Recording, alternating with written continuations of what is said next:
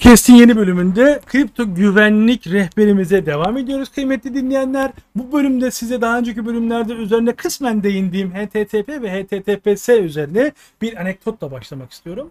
Geçmiş zamanlarda bu HTTPS'nin ilk çıktığı dönemlerde ne olduğunu sorguladığımızda, işin biraz derine inmek istediğimizde HTTP'nin daha hızlı olanı diye bir ifade kullanmışlardı.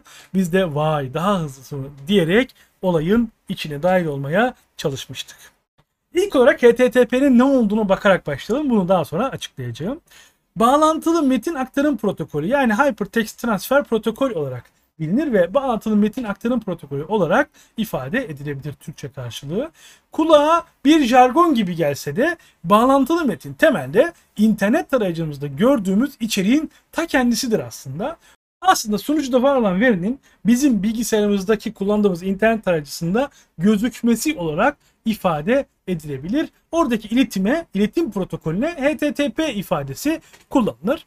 HTTP tek başına iletişim için kullanılır ve tarayıcı aracılığıyla internetteki sunucuya ya da internete bağlı sunucuya erişim imkanı sağlayan bir protokoldür ama şifrelenmiş değildir. Sadece bir transfer protokoldür.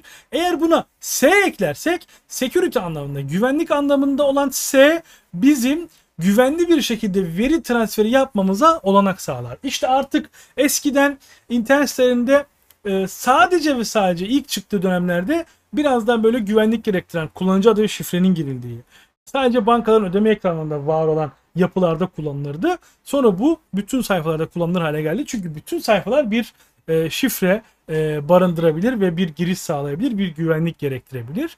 Eğer internet sunucusunda ya da sunucuya bağlı bir bilgi gönderiliyorsa ya da alıyorsak bu bilgiyi HTTP adresine değil HTTPS adresinde olduğundan emin olmalıyız. Bu güvenli olduğumuz anlamına gelir ve tarayıcımızın yani internet tarayıcımızın Chrome'un, Firefox'un, Safari'nin sol üst tarafında adres yazdığımız yerin hemen sol yanında yeşil bir ifadeyle e, yeşil bir ibare ile ifade edilir.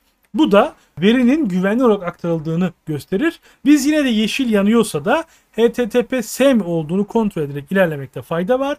Kripto para borsalarında hemen hemen e, yerli ve yabancı bütün kripto para borsaları tek tek isim vermiyorum. E, görebildiklerim, gözlemleyebildiklerim HTTPS protokolünün yanı sıra bir güvenlik tarayıcısı yani tarayıcının güvenli olup olmadığını kontrol eden bir yapıyı kullanıyorlar. E, hangi borsalar güvenli? İşte orada hemen coinusmus.com'a giriyorsunuz. Borsaların güvenlik seçeneklerini seçip yani üst bölümden, üst menüden karşılaştır dediğinizde hangi borsaların hangi güvenlik metodolojisiyle var olduğunu ve güvenlik metodolojisinin puanlama metodunu karşımıza seriyor Coinusmus.com. Oradan siz hangi borsayla devam edebileceğinizi rahatlıkla gözlemleyebilirsiniz. İlerleyen dönemlerde bunlarla alakalı daha çok videoyu Coinusmus.com'un YouTube kanalında sizlere sunuyor olacağız. Hatta ve hatta kripto para borsalarının hemen hemen hepsiyle bunların güvenlik taraflarını ayrıca istişare edeceğiz. Çünkü ucuz satın almak, uygun fiyatlı satın almakla beraber aynı zamanda güvenli olarak saklamak, korumak hususunda da önemli durumlar var. Yine sadece saklamak, korumak değil, farklı etkenleri de yine kanalımızda detaylıca uzmanları tarafından konuşacağız. Şimdi aslında bize ziyaret ettiğimiz siteye güvenip güvenemeyeceğimiz hususunda bilgi veren HTTPS protokolünün temelde tamamlamış olduk. Aslında adres çubuğunda olan adres kısmına bakmamız çok kıymetli. Eğer adres www.coinusmus.com ise ve doğru yazıldıysa siz bizi o siteye götürür ama güvenli bir yapı olmadığı kanaatini bize sunar. Ama HTTPS ise e, çok yüksek bir güvenlikle muhtemelen gerçekten Coinusmus.com'u ziyaret ettiğinizi anlayabilirsiniz. Oradaki veri aktarımından güvenli bir sürecin e, var olduğunu da sizlere sunacaktır bu yeşil bar dediğimiz ifade. Eğer güvenli diyor ve HTTPS ise farklı bir yapıya doğru da ilerletebilir. Yani işte örnek veriyorum güvenli yazmasına rağmen coinusmus.co adresine gittiyseniz siz coinusmus.com'da değilsiniz. Oradaki adresin doğru yazılıp yazılmadığını da mutlaka kontrol etmelisiniz. Coinusmus C ile yazılıyor. Joinusmus diye. E, siz Coinusmus'un bir kopyası Coinusmus yani K ile yazılan bir versiyona gittiyseniz yani bir yazılım yazım yanlışı varsa doğru sitede değilsiniz. Güvenli olsa bile yanlış sitede olduğunuzu farkına varın. Bu Binance'de olabilir, başka Kraken'de olabilir, farklı bir borsada olabilir. Yazım yanlışlarından kaynaklı typo dediğimiz hataya düşmeyin. Doğru yazılıp yazılmadığını da mutlaka kontrol ederek ilerleyin.